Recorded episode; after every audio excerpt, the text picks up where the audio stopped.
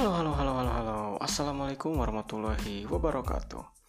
Oke, tetap dengan saya Irfan. Nah, di podcast kali ini atau di kesempatan kali ini, uh, gue udah coba ini nih, gue udah coba mikir-mikir dari kemarin kira-kira apa sih yang harus dibahas gitu kan? Karena kalau misalkan kita mau lihat bisnis itu begitu banyak dan begitu bejibun di Indonesia itu bisnis. Cuman ternyata ada yang perlu gue sampai ini di sini mengenai bisnis nih. Ada 10 tren bisnis yang paling diminati. Tentunya di zaman sekarang. Ya kalau berbicara zaman sekarang berarti kan berbicara anak muda ya. Mau anak muda maupun mereka yang udah apa namanya ya udah berjalan lama di bisnis ya namanya juga pasti zaman sekarang gitu ya mungkin saja kita masih di zaman sekarang yang belum pernah ngerasain zaman lalu. Mereka yang zaman lalu udah ngerasain gimana bisnis itu dan lain-lainnya. Oke tanpa lama-lama kita langsung coba aja bahas tren bisnis yang paling diminati zaman sekarang. Di sini ada 10 jadi pasti lumayan agak panjang. Jangan khawatir tetap dengerin. Dan mudah-mudahan ini menjadi insight buat lo, semua dan juga bisa memulai dari mana kira-kira passion lo dan mau ambil bisnis yang seperti apa. Oke kita mulai dari yang pertama. Yang pertama itu ada tren bisnis jasa internet marketing. Buh, di era pandemi yang udah hampir 2 tahun ini udah pasti jadi bisnis yang menjanjikan tentunya tapi dengan servis yang bagus bukan asal-asalan buka. Terus kita buka ya biasa-biasa aja. Bukan kayak gitu. Tapi gimana caranya kita bisa memuaskan pelanggan dengan jasa yang kita berikan ke mereka? Contoh misalkan konten creator ya. Nah ini Berarti kan apa yang bisa digali, apa yang bisa diberikan untuk klien nantinya ketika melakukan kerjasama. Terus juga misalkan ketika si klien ini minta sesuatu yang lebih unik, otomatis konten creator juga kan harus memikirkan gimana caranya menampilkan hasil atau dengan usaha yang dilakukan mendapatkan hasil sesuai dengan keinginan si klien. Memang biasanya dari konten creator ini tidak mudah. Pasti banyak hambatan dan lain-lain. Cuman kalau misalkan si konten creatornya ini udah jago di bidangnya insya Allah itu pasti teratasi sesulit apa pun biasanya dan klien juga biasanya ngerti sesuai dengan penjelasan-penjelasan dari klien eh dari si konten creatornya. Ada juga misal copywriting. Untuk nama kegiatannya itu copywriting. Untuk si orangnya itu copywriter. Nah biasanya dari copywriter ini juga wah luar biasa ya dampaknya. Kita lihat iklan dengan hanya beberapa kata saja itu kan buatan dari seorang copywriter gitu gimana caranya membuat teks itu menjadi booming? Gimana caranya teks itu dikenal yang nantinya akan berhubungan dengan branding gitu kan? Ini sangat luar biasa. Kalau berbicara gaji udah jangan ditanya gitu kan.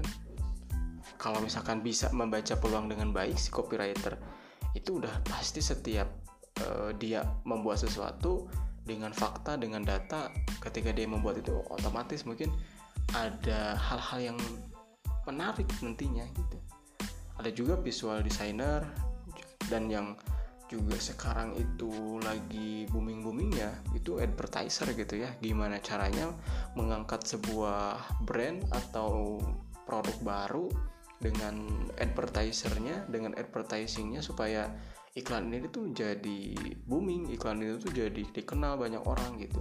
Dan ini satu kesatuan dari content creator copywriter visual designer akhirnya seorang advertiser ini mengumpulkan banyak audiens yang akhirnya akan menjadi pembeli atau menjadi konsumen di satu produk yang nanti diiklankan. Ini menjadi satu kesatuan. Makanya ini adalah kesempatan nih untuk lo semua anak muda yang punya di bidang ini gitu kan. Dan masih banyak sebetulnya bidang-bidang lain. Bahkan sampai ke voice over gitu kan. Itu juga jadi bisnis. Kalau misalkan kita bisa um, menempatkan di tempat yang pas gitu oke gitu ya. Nah lalu ada yang kedua bisnis tour and travel. Be, ini kalau misalkan di era pandemi yang udah kita mulai suntuk ya kayaknya bakalan cari gimana caranya bisa traveling ke tempat-tempat yang bikin kita itu lebih tenang gitu mengeluarkan kepenatan kita dan juga lepas dari masa-masa penat itu kayak gimana gitu kan. Ini luar biasa. Bahkan eh, gimana caranya kita bisa membuka si kesempatan ini tuh banyak banget gitu ya? Sekarang kan di kota di kabupaten biasanya ada tuh tempat-tempat yang kesempatannya luas untuk misalkan membuka penginapan. Kita berarti kan harus punya jaringan yang cukup nih untuk mulai bisnis ini. Punya misalkan tempat penginapan transportasi destinasi wisata dan lain-lain gitu akhirnya ketika kita udah punya kita udah punya jaringan yang kuat dan cukup untuk kita buka bisnis ini otomatis nanti juga akan mengikuti dengan apa yang akan kita perbuat dengan bisnis ini gitu kan. Karena karena apa? Karena bisnis tour and travel ini tuh men, sangat menjanjikan juga gitu. Karena orang banyak yang suka dengan traveling dengan tour. Apalagi kalau dulu itu ada yang namanya study tour gitu kan. Ini udah sangat jadi bisnis sekali gitu kan gimana caranya satu sekolah bisa belajar sambil bermain gitu kan. Sampai ke ke mana? Misalnya ke Jogja dulu kan ya seringnya gitu ke Jogja ke candi-candi kayak gitu. Nah ini menjadi bisnis juga. Dan di era pandemi juga tidak menutup kemungkinan ini untuk bisa dijalankan. Misalkan sekarang tour online itu kan nggak jadi masalah.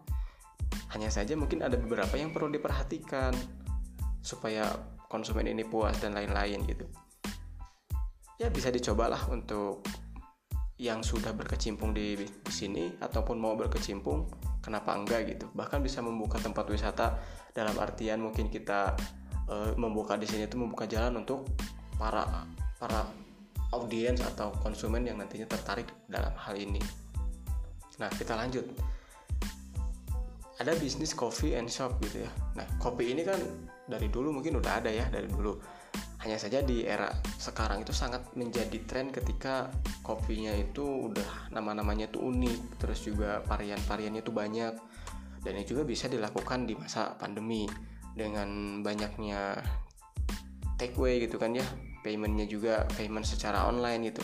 Ini udah menjadi satu ladang bisnis yang bagus gitu apalagi dulu sebelum ada pandemi itu kan mahasiswa anak sekolah itu seneng banget main ke coffee ketika bertemu dengan teman bekerja kelompok berdiskusi dan lain-lain itu udah sangat menjanjikan gitu. Apalagi di tempatnya ini tuh di tempat coffee shopnya ini tuh misalkan rapi bersih pelayanannya ramah dan dilengkapi dengan wifi gratis yang bisa diakses uh, oleh para konsumen yang datang ke tempat tersebut.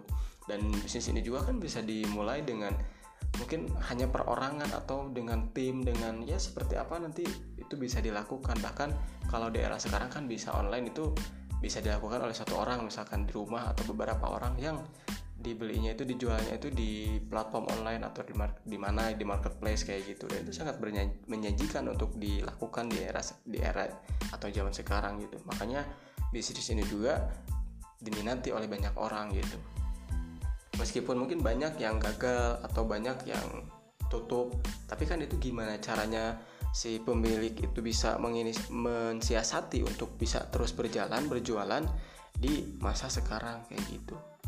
Nah kita lanjut ke bisnis kuliner. Nah ini bisnis kuliner kan bah, luar biasa. Dari dulu sampai sekarang bahkan ada yang melegenda biasanya bisnis kuliner. Karena apa? Karena biasanya dengan racikan tertentu sehingga sampai sekarang itu masih dikenal gitu kan. Cuman uh, mungkin dari segi penawaran dan lain-lain promosi itu udah by mulut. Beda dengan sekarang yang by online gitu. Tapi biasanya lebih kuat itu by mulut. Maksudnya orang tahu terus dikasih tahu dikasih tahu dikasih tahu akhirnya dikenal sampai akhirnya sampai sekarang dikenal juga. Tapi daerah sekarang juga kan itu online udah merebak ya di mana-mana. Dan bisnis ini tuh udah bisa menjanjikan banget gitu. Kayak kemarin-kemarin kan lagi banyaknya promo akhirnya kan kuliner ini tuh diangkat gitu. Dan juga di, kalau di era sekarang tuh kenapa bisa semakin tren dan semakin diminati oleh para pegiat bisnis dan konsumen juga suka? Nah nama-nama yang aneh untuk suatu produk untuk suatu makanan gitu ya itu menjadi hal menarik dan daya tarik tersendiri untuk sebuah produk gitu. Kalau misalkan kita lihat ya kita beli cilok misalkan. Dulu kan cilok ya udah cilok gitu tapi kalau sekarang misalkan cilok merapi atau ada misalkan kayak mie lah mie merapi ada juga stick ranjang gitu atau mie setan atau bakso setan. Nah itu kan jadi suatu nama yang unik. Biasanya kan kalau setan selalu dihubungkan dengan apa gitu. Tapi ternyata di makanan juga bisa dihubungkan dengan pedas misalkan karena terbuat dari api misalnya. Kayak gitu. Akhirnya mie setan mie merapi dan lain-lain itu bisa jadi nama yang unik. Sehingga konsumen tuh wah ini apa nih? Kita coba deh kalau misalkan enak ya kita terus beli gitu kan biasanya kayak gitu. Apalagi harganya mendukung nggak terlalu kemahalan rasanya enak wah itu udah jadi peluang besar gitu untuk bisa dijalankan bisnisnya. Kayak gitu makanan juga kan sekarang udah padahal misalkan makanan itu apa namanya beda tahu taunya datang oh sama gitu kan ya gimana caranya kita bisa mempromosikan suatu produk sehingga orang lain ternyata baru enggak oh ini tuh sama produknya kayak gini. Nah oke okay, kita lanjut lagi. Ada desain grafis. Boh ini desain grafis juga ya.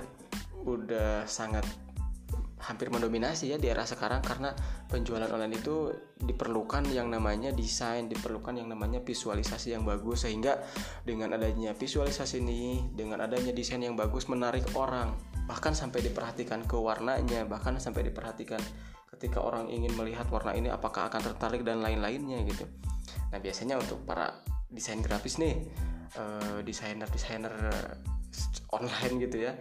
Ini adalah menjadi langkah awal nih yang bagus buat bisa mulai bisnis. Kalau misalkan masih bingung cari-cari aja di sini. Sekarang banyak kok platform yang menceritakan atau membuka peluang kita untuk belajar untuk bisa membuka bisnis di bidang ini gitu. Bah ini juga mengangkat pamar iklan secara digital maupun non digital dulu kan pasti butuh orang yang bisa mendesain gitu kan untuk sebuah produk. Akhirnya produk ini bisa dikenal dan diingat kayak gitu. Oke kita lanjut ke wedding organizer gitu ini juga gak kalah menarik apalagi kita kembali ke era pandemi gitu ya. Pandemi apa pandemi seperti ini tuh membuka peluang untuk para wedding organizer itu untuk bisa gimana caranya beradaptasi dengan lingkungan baru yang akhirnya bisa terus berjalan acara pernikahannya dengan bantuan wedding organizer gitu. Dari mulai mungkin perizinan dan lain-lain. Tapi biasanya ini berhubungan dengan acara yang nanti akan dijalankan itu seperti apa pengantinnya itu gimana bajunya itu kayak gimana gaunnya itu kayak gimana. Biasanya ini berhubungan dengan wedding organizer waktu dan lain-lain. Dan ini juga tidak bisa dilakukan sendiri ini harus dilakukan berdasarkan tim yang akhirnya nanti bisa membantu berjalannya acara si pernikahan tersebut. Kalau misalkan pernikahan itu berjalan dengan lancar dengan bantuan wedding organizer itu kan adalah pencapaian yang bagus gitu. Bahkan sampai misalkan nanti ada lagi tawaran dan lain-lain. Ini juga bisa jadi apa ya bisa jadi bisnis yang bisa digeluti gitu. Bisa dicoba untuk masuk ke sana kayak gitu. Lalu ada bisnis passion. Nah bisnis passion ini udah jadi kebutuhan dari dulu seperti kuliner ya. Gimana caranya kita bisa bertahan hidup dengan makanan dan juga bertahan hidup dengan gaya passion yang lebih fashionable lebih ke mungkin kalau misalkan lagi di foto bisa jadi instagramable gitu. Akhirnya bisnis ini juga menjadi tren yang tidak kalah dan bahkan sampai uh, orang itu senang sampai misalkan pakai baju yang ukurannya kayak gimana jenisnya kayak gimana bahkan entah itu yang oversize atau yang ketat dan lain-lain itu udah jadi tugasnya seorang bisnis fashion gitu menampilkan atau menghadirkan fashion-fashion terbaru yang menjadi pilihan-pilihan para pemakainya nanti gitu atau para konsumennya nanti gitu. Kalau misalkan kita lihat contoh misalkan kita jualan hijab. Kalau jualan hijab dari atas sampai bawah biasanya ada apa ya? Ada settingan tertentu gitu atau paketan tertentu. Kita beli hijab A biasanya selalu dicocokkan dengan gamis A juga dengan e, tas A juga dengan A, apa gitu misalkan. Nah, itu udah jadi apa ya? Udah jadi satu kesatuan gitu nah makanya bisnis fashion ini tuh udah menjadi kekuatan juga gitu dan paling diminati juga di masa sekarang. Apalagi perempuan gitu kan ketika menggunakan suatu hijab otomatis harus matching harus sesuai dengan apa yang dia pakai. Jadi nggak ke mana-mana gitu kan. Dan dipandangnya juga enak. Laki-laki pun sama biasanya menampilkan gaya simple elegan yang pesonanya itu menampilkan yang lebih bagus lagi gitu. Akhirnya si laki-laki dan perempuan ketika mungkin dalam hal passion ini tuh udah jadi prioritas juga gitu. Nggak awut-awutan dilihatnya nggak enak gitu. Nah gitu ya. Nah ada lagi bisnis pelatihan online. Kalau misalkan pelatihan online biasanya untuk mereka yang mau memulai bisnis nih kayak misalkan teman-teman mau mulai bisnis dari awal tuh kayak gimana maka pasti kan harus belajar dulu atau langsung ke prakteknya biasanya mungkin kalau pelatihan online itu biasanya menulis gitu ya berbisnis, marketing, terus juga misalkan tadi advertising, designer atau apa gitu. Ini juga menjadi bisnis yang menjanjikan di era sekarang supaya apa orang banyak yang bisa menjalankan suatu hobi atau hobinya ini nanti menghasilkan uang. Makanya diadakan pelatihan-pelatihan. Nah, biasanya pelatihan ini juga ada yang berbayar ataupun gratis kalau berbayar biasanya langsung ke secara teknis dan lain-lainnya itu diperhatikan kalau gratis mungkin baru secara webinar orang bisa mengenal gimana gimana nya tapi nggak kalah menariknya biasanya gratis ini juga. Gimana caranya menarik menarik audiens supaya banyak yang ikut dan perhatian mereka tuh tertuju ke si yang membuat pelatihan ini. Kayak gitu. Nah menarik ya mengenai bisnis ini. Dan yang paling paling digemari di era sekarang itu ternyata bisnis bisnis online. Ya bisnis offline mungkin masih banyak ya yang berjalan tapi secara apa ya omset itu biasanya ada yang menanjak menanjak ada yang turun juga ada. Begitupun di online. Nah di online ini lebih biar yang kali yang kita lihat gitu ya sekarang lebih menanjak gitu. Entah dari omset dari pegawai juga semakin bertambah yang membutuhkannya biasanya kayak gitu.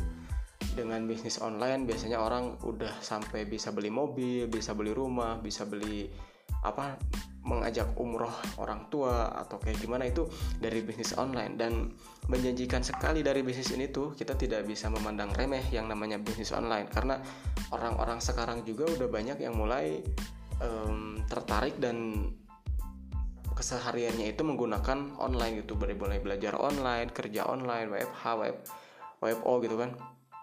E, mungkin mengumpulkan si tugas juga online dan lain-lain itu udah mulai dipercaya gitu. Kalau dulu kan sampai sempat ada kekhawatiran bisnis online itu takut gak dikirim atau apa. Sekarang kan udah ada banyak marketplace yang bisa digunakan oleh semua orang yang nantinya eh, mengintegrasikan pengiriman, pembelian dan lain-lain sampai ke konsumen.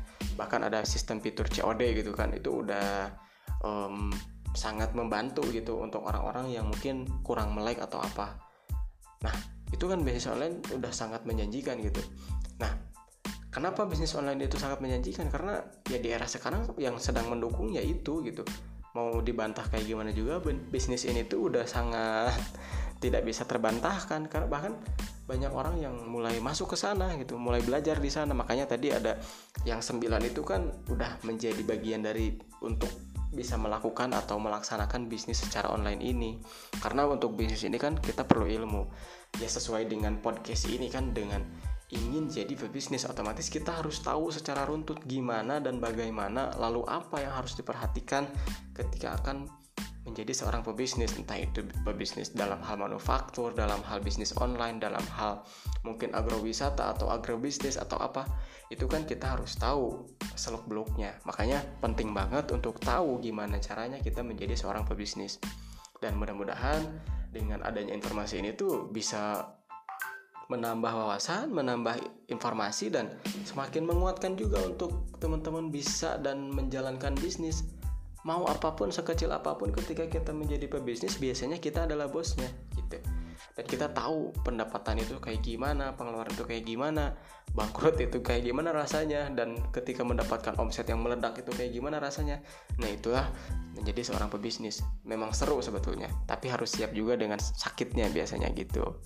Nah itu e, merupakan 10 tren bisnis yang paling diminati di masa sekarang dan masih banyak lagi sebetulnya. Ya tapi uh, eh, gue hanya sedikit lah gitu merangkum supaya oh ternyata ini loh bisnis yang lagi paling diminati. Berarti kan gue bisa masuk ke bagian sana gitu.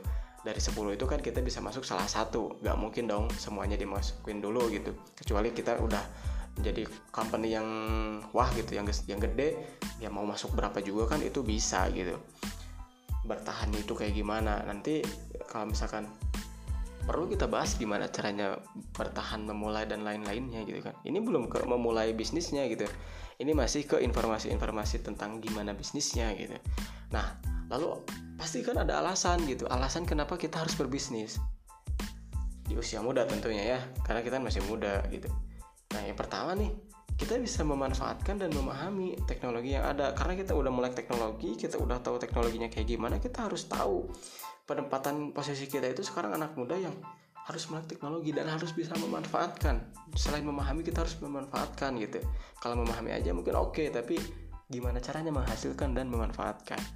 Lalu ada yang kedua yaitu mengetahui tren yang sedang digandrungi gitu. Nah kalau kita udah tahu tren ya kita enak gitu kan bisa mau mulai dari mana? Yang ketiga ada menciptakan lapangan kerja. Nah biasanya dengan memulai ini di usia muda kita juga bisa membuka lapangan kerja untuk banyak orang gitu. Entah itu dari mungkin admin atau apa biasanya di online kan kayak gitu ya. Nah ini jadi bagus juga untuk banyak orang. Lalu ada e, membangun bisnis jaringan yang lebih luas gitu. Kalau misalkan kita udah di usia muda gitu ya ada juga memiliki kesempatan belajar dari kegagalan. Kita harus belajar dari kegagalan kita harus belajar dari banyak orang kita harus belajar dari mana aja. Agar apa? Upgrading diri kita itu semakin gitu lalu ada kesempatan memiliki banyak bisnis. Nah ini kalau misalkan kita udah konsisten kita udah menghasilkan kita udah banyak membantu juga kan tadi dari itu kita juga bisa memiliki banyak bisnis. Kesempatannya itu sangat besar gitu. Karena apa? Karena dari satu biasanya berkembang berkembang berkembang akhirnya bertambah bertambah bertumbuh. Nah, dengan itu bisnis kita akan banyak gitu. Tapi banyak di sini banyak yang menghasilkan ya, bukan banyak yang malah jadi menurun dan lain-lain gitu. Tapi berarti kan harus dipikirkan seperti apa manajemen dan lain-lainnya.